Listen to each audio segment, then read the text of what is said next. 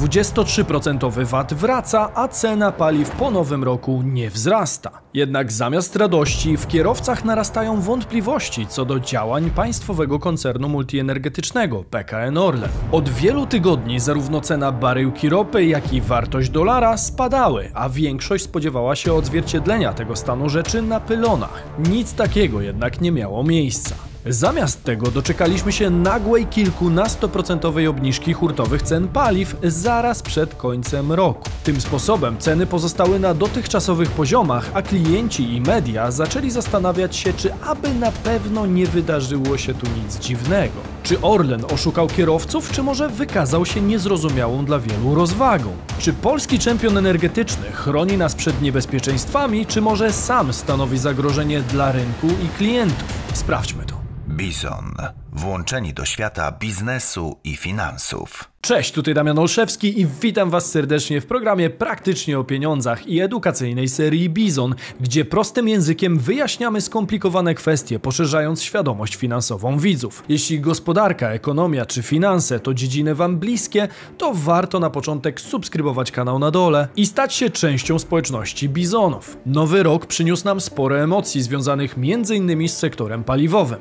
Z jednej strony wypadałoby się cieszyć z tego, że ceny na stacjach pomimo powracającego VAT-u niemal nie drgnęły. Z drugiej zaś strony ciężko oprzeć się wrażeniu, że skoro stawka VAT-u poszła o 15% w górę, to pod płaszczem braku zmian może kryć się także jakiegoś rodzaju manipulacja rynkiem. Warto zatem przeanalizować możliwe scenariusze wydarzeń i zastanowić się nad argumentami obu stron, których padło już zresztą całkiem sporo. Czas to pieniądz, więc Zaczynajmy. Stawki VAT rosną, a ceny paliw stoją. Dlaczego tak jest? Głośno o państwowym koncernie stało się ponownie za sprawą powracającego VAT-u.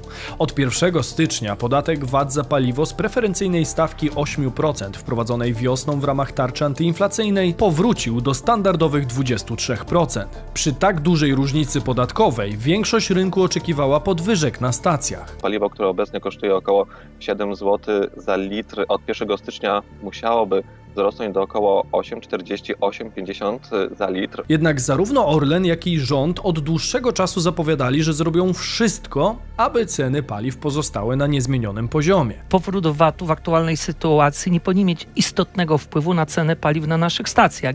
Tak też się stało. Od nowego roku ceny na pylonach w większości przypadków drgnęły zaledwie symbolicznie lub zupełnie się nie poruszyły. Już kilka tygodni wcześniej wielu spekulowało, że właśnie taki przebieg wydarzeń szykuje dla nas koncern. Skąd takie przypuszczenia? Ano stąd, że co bardziej uważni obserwatorzy rynku widzieli tendencję spadkową w cenach głównego surowca do produkcji paliw, jakim jest ropa naftowa, oraz w cenie amerykańskiego dolara, w którym wyceniana jest baryłka ropy na całym świecie. Ropa Brent od dłuższego czasu tanieje, a jej wycena jest już daleka od szczytów z marca czy też czerwca 2022 roku, kiedy to oscylowała w przedziale 120 czy też nawet 130 dolarów za baryłkę. Obecnie poziom 100 dolarów nie był widziany od końcówki sierpnia, a od miesiąca cena wydaje się stabilizować w przedziale 75 do 85 dolarów za baryłkę. Podobnie jest z amerykańskim dolarem, który z poziomu 5 zł spadł już nawet poniżej 4,40,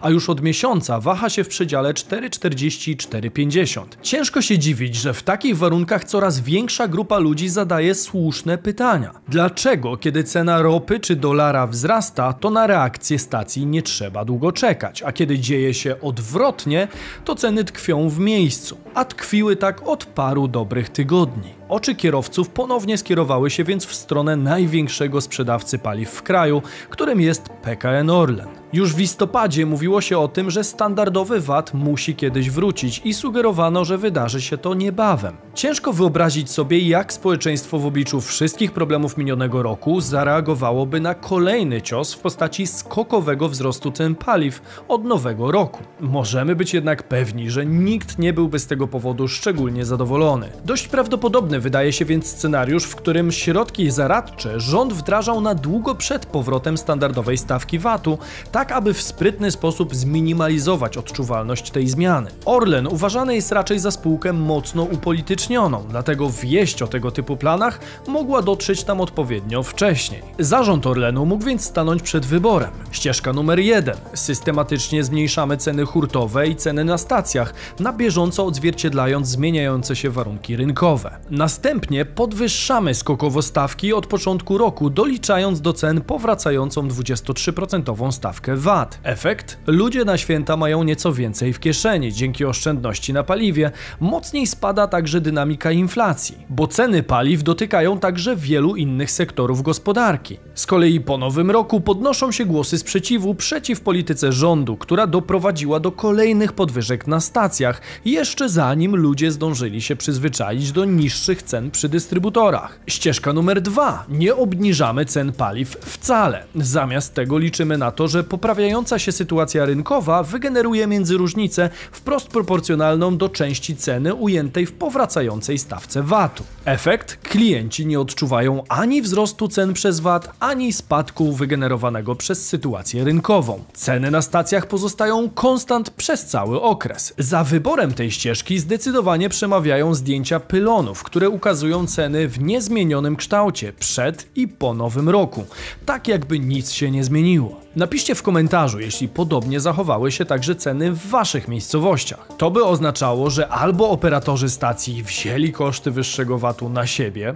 co brzmi raczej mało prawdopodobnie, albo Orlen obniżył koszty paliwa w hurcie o kilkanaście procent, aby wyrównać między różnice. Dokładnie tak się stało i to z dnia na dzień. 30 grudnia E95 kosztowała w hurcie 5,70 do 5,90 za litr. Aż tu nagle ostatniego i pierwszego dnia roku zdarzył się prawdziwy cud i ceny tego paliwa w hurcie spadły do poziomu 5 zł i 10 groszy. To z kolei pozwoliło stacjom paliw zachować plus minus te same marże i doliczyć wyższy VAT w cenie bez potrzeby wprowadzania zmian na pylonach. Warto z tej okazji przypomnieć, że jeszcze w czerwcu, kiedy cena baryłki była w okolicach 120 dolarów, średnia cena detalicznej popularnej 95 wynosiła 7,85. Z kolei od października do grudnia ceny wahały się w przedziale 6,41 do 6,89 za litr, zwykle będąc w okolicy 5 zł i 50 groszy. Innymi słowy, pomimo spadków ceny ropy i dolara, od wielu tygodni cena tego paliwa jest stabilnie dość wysoka. Warto też zaznaczyć, że dla watowców sytuacja na rynku paliw od nowego roku nie tyle nie uległa zmianie, co się poprawiła. I to znacząco. Tacy przedsiębiorcy płacą za paliwo te same stawki co przeciętny Kowalski, ale obecnie mogą odliczyć od ceny 23, a nie 8% VAT jak poprzednio. I tutaj warto zatrzymać się na moment i zdać sobie sprawę z tego, że wcześniejsza obniżka z 23% VAT-u do poziomu 8% tak naprawdę dotyczyła przeciętnych Kowalskich, a nie firm firmy. Dla kogoś, kto nie prowadzi działalności gospodarczej, najważniejsza jest tak naprawdę cena na pylonie. Nic innego go nie interesuje. Firmy natomiast często są na tak zwanym VAT-ie i mogą odliczyć sobie część ceny paliwa, uzyskując korzyść podatkową. Dla nich najistotniejsza jest cena netto. Innymi słowy, w ich przypadku mówimy o sporej korzyści podatkowej, która uwidacznia się po rozliczeniu nowych faktur za paliwo. W każdym razie jedni nazywają tę sytuację magią świąt, czy też noworocznym cudem, a inni zwykłą manipulacją.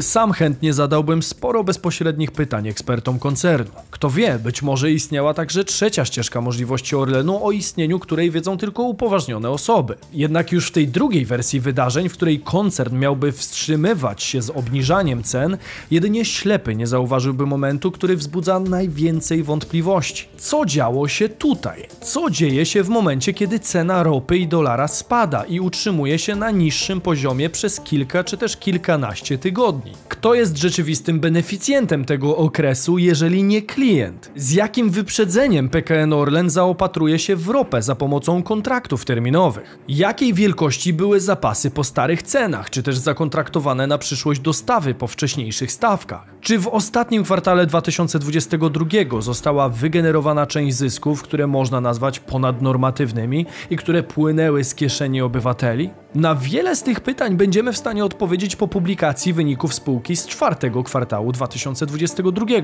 Konkretne liczby ukażą, co dokładnie wydarzyło się w tamtym czasie. Warto jednak zauważyć, że poziom zysku osiąganego przez Orlen i bez ostatniego zwrotu akcji budził sporo kontrowersji. Po trzecim kwartale zysk koncernu na czysto wynosił już ponad 12,7 miliarda złotych. Z jednej strony mówi się o dumie z posiadanego polskiego czempiona multienergetycznego, z drugiej strony jednak przeciętny klient nie jest głupi i wie doskonale, że rekordowe zyski firmy nie biorą się przecież znikąd. Sytuacja budzi więc podejrzenia o wykorzystanie rynkowych zawirowań do podbijania własnych zysków kosztem nas wszystkich. Zanim jednak wydamy ostateczny wyrok, warto zdać sobie sprawę z dużej ilości elementów tej układanki, bo niestety nie można wszystkiego brać na tak zwany chłopski rozum. Po pierwsze, uwadze obserwatorów często umyka fakt, że Orlen, tak jak i inne koncerny tego typu, kupuje ropę za pomocą kontraktów terminowych. Innymi słowy, może rezerwować określoną ilość dostaw na sporo do przodu przy stawkach dostępnych w danej chwili, po to, żeby odpowiednio zabezpieczyć przyszłe potrzeby całego kraju. Do tego cena kontraktu terminowego nie zawsze odzwierciedla dobrze kurs ropy. Po drugie, część ropy przerabianej w rafineriach to nadal ropa z Rosji. Nie przerabiamy tam jedynie ropy Brent. Ropa rosyjska jest oczywiście sporo tańsza, więc ciężko ocenić ile dokładnie kosztuje Orlen proces rafinacji, czyli stworzenia konkretnego paliwa, dostarczanego później do stacji. Prawda jest też taka, że do silników wlewamy obecnie to, co zostało pozyskane i przerobione już jakiś czas temu. Być może i po wyższych stawkach. Tak czy owak komunikacja koncernu z rynkiem jest co najmniej nieprecyzyjna precyzyjna. Poza tym nie ulega wątpliwościom, że Orlen ma dość dużą swobodę zachowań i tego, jakie stawki może dyktować na rynku hurtowym, przede wszystkim dlatego, że jest na tym sektorze monopolistą. Na rynku nie ma drugiego czy trzeciego gracza, który mógłby jakkolwiek regulować sytuację czy wymuszać na koncernie proklienckie decyzje. Niestety rynek ma to do siebie, że do tanga trzeba co najmniej dwojga, bo tak duża przewaga jednego gracza, jaką posiada obecnie Orlen, zwykle nie kończy się zbyt dobrze dla konsumenta. Pytanie więc, jak do tego wszystkiego odnosi się sam Orlen? Jak bronią się przed oskarżeniami? W opozycji chodzi o to, żebyśmy pewnie te ceny na stacji podnieśli, bo dziś musimy się tłumaczyć, że nie podnieśliśmy ceny Polakom. No proszę zobaczyć, do jakich absurdów dochodzi do, w naszym kraju. Nikt o zdrowych zmysłach nie czepia się o to, że ceny pozostały na niezmienionym poziomie. Każdy się z tego cieszy, a sam problem tkwi zupełnie gdzie indziej. Ludzie zastanawiają się po prostu, co działo się wcześniej i co pozwoliło koncernowi na tak drastyczne obniżki ceny hurtowej na dzień przed końcem roku. Oczywiście istnieje także scenariusz, w którym to Orlen wziął na siebie podwyżki VAT-u, rezygnując z części własnej marży i dlatego obniżył hurtową cenę. Jednak zakładam, że gdyby tak było, to linia obrony Orlenu byłaby oparta właśnie na tym argumencie. On zdecydowanie byłby tu kluczowy. Z kolei prezes Daniel Obajtek argumentuje brak obniżek w ostatnich tygodniach roku w następujących słowach. Polacy i hurtownicy, klienci i hurtownicy automatycznie ruszyliby. Po pierwsze, klienci na stację, bo baliby się, że zaraz będzie podwyżka o złotówkę. Hurtownicy do rynku hurtowego. Co by to spowodowało? Totalny paraliż naszego kraju przed świętami. Stałoby się to samo, co się stało w momencie wybuchu wojny na Ukrainie.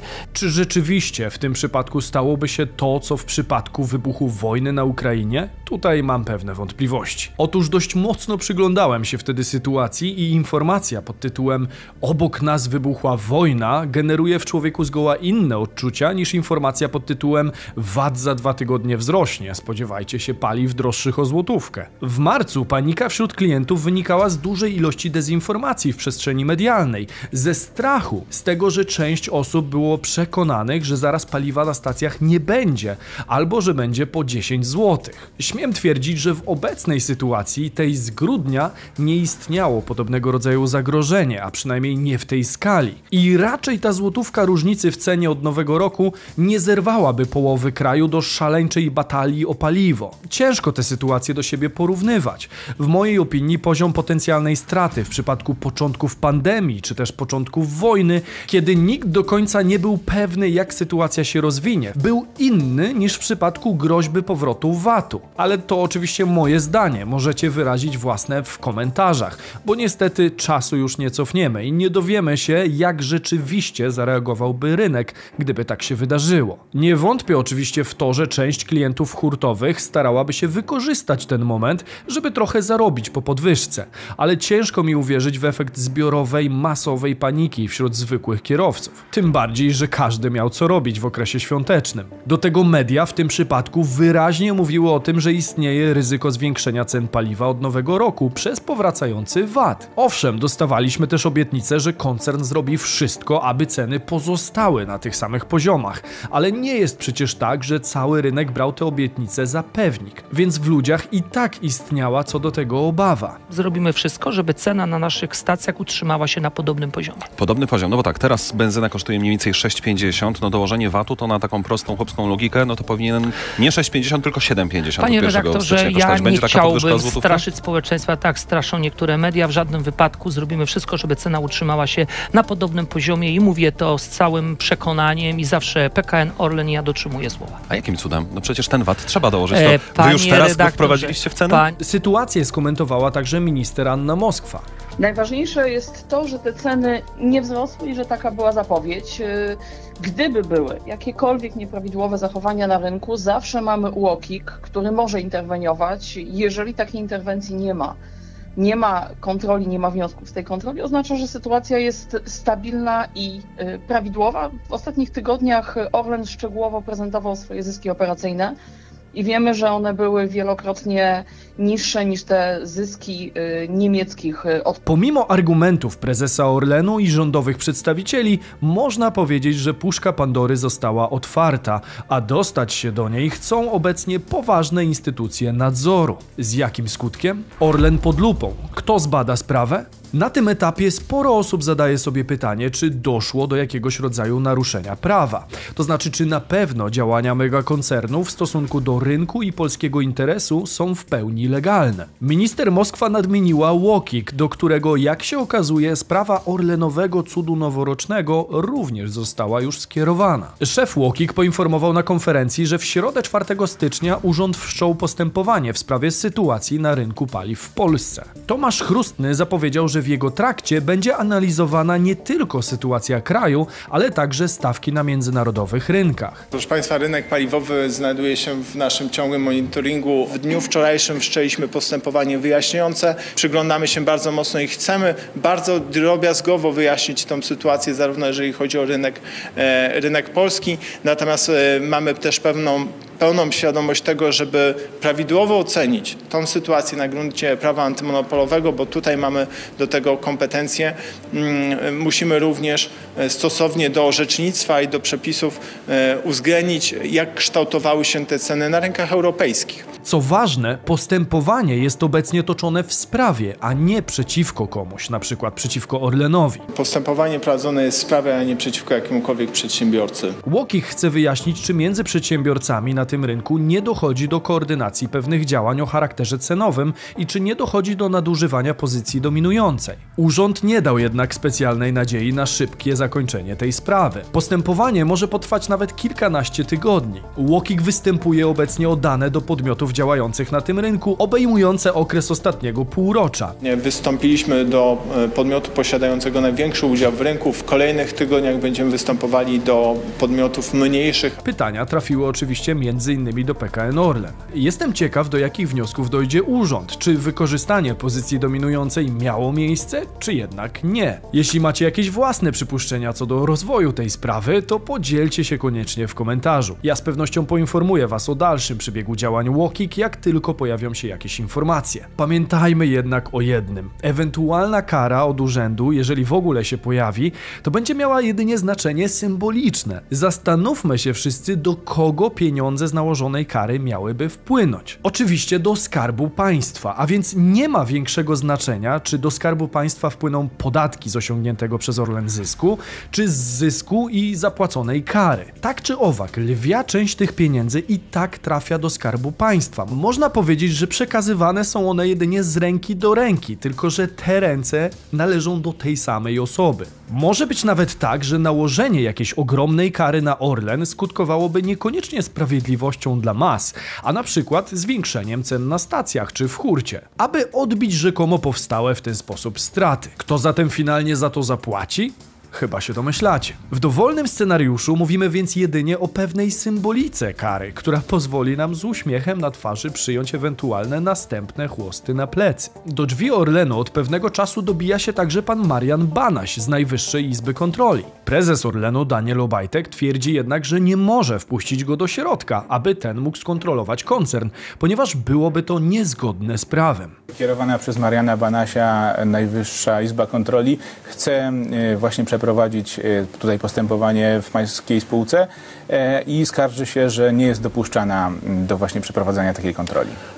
Ja chciałbym, żeby nikt nie łamał prawa, bo panie redaktorze, ja mam cztery opinie kancelarii, które mają wysoką renomę, że NIK ma kontrolować środki publiczne i w zakresie, w których może NIK kontrolować, bo również jest kwestia fundacji 1%, my nie widzimy nic przeciwko temu. Problem prawny tkwi podobno w rozkładzie akcjonariatu, gdzie Skarb Państwa posiada obecnie, uwaga, 49,9% udziałów, przez co NIK może mieć utrudnione zadanie. Niemożność kontroli spółki przez ten organ niestety znowu nie podnosi wiarygodności i społecznego zaufania do polskiego czempiona. Przy okazji podniesiono też wątek tego, na ile on nadal jest polski, skoro nikt nie ma do niego wstępu właśnie przez strukturę akcjonariatu. Prawda jest taka, że jak dobrze się przyjrzymy, to w akcjonariacie udziały prócz Skarbu Państwa mają także inne spółki, także kontrolowane przez Skarb Państwa, które w domyśle postępują zgodnie ideowo z tym, czego oczekuje Skarb Państwa. Na przykład spółka PERN SA, która w pełni należy do Skarbu Państwa, czy też PZU Złota Jesień, gdzie Skarb Państwa również ma znaczną część udziałów. Zatem kwestia utraty kontroli nad strategiczną spółką energetyczną raczej nie wchodzi tutaj w grę, ale trzeba przyznać, że samo 49,9% bezpośredniego udziału Skarbu Państwa otwiera ciekawy prawny parasol ochronny. Jeżeli nadużycia zostałyby jednak spółce w jakimś tam stopniu udowodnione, to część zysków może zostać pochłonięta przez konflikty prawne. Pamiętajmy, że ceny paliw mają olbrzymie znaczenie dla całej gospodarki. Każdy towar, komponent produktu czy usługa musi przecież dotrzeć do końcowego odbiorcy. Paliw używamy nie tylko w logistyce i transporcie, ale także na przykład w ciepłownictwie, gdzie zużywa się choćby sporo diesla. Zatem w przypadku udowodnionej winy mnóstwo firm mogłoby być pokrzywdzonych i mieć pewnego rodzaju roszczenia prawne względem Orlenu. Ceny paliw przez wiele miesięcy odpowiadały za sporą część wzrostu dynamiki inflacji, która dzięki uspokojeniu w sektorze energetycznym również zaczęła spadać. Ale o tym opowiem Wam już jutro w kolejnym odcinku serii Bizweek. Jak zakończy się ta sprawa i czy rzeczywiście Orlen wykorzystał pozycję monopolisty? Mam nadzieję, że dowiemy się tego niebawem, a Wy podzielcie się własną opinią na dole. Subskrybujcie także kanał, jeśli chcecie dowiedzieć się, jak ta sprawa finalnie się rozwinie. Dajcie też znać, czy macie ochotę zobaczyć podsumowanie najważniejszych wydarzeń finansowych z całego ubiegłego roku. Wiernych bizonów proszę o hashtag bizon w komentarzu, a my widzimy się już jutro o 15. Cześć!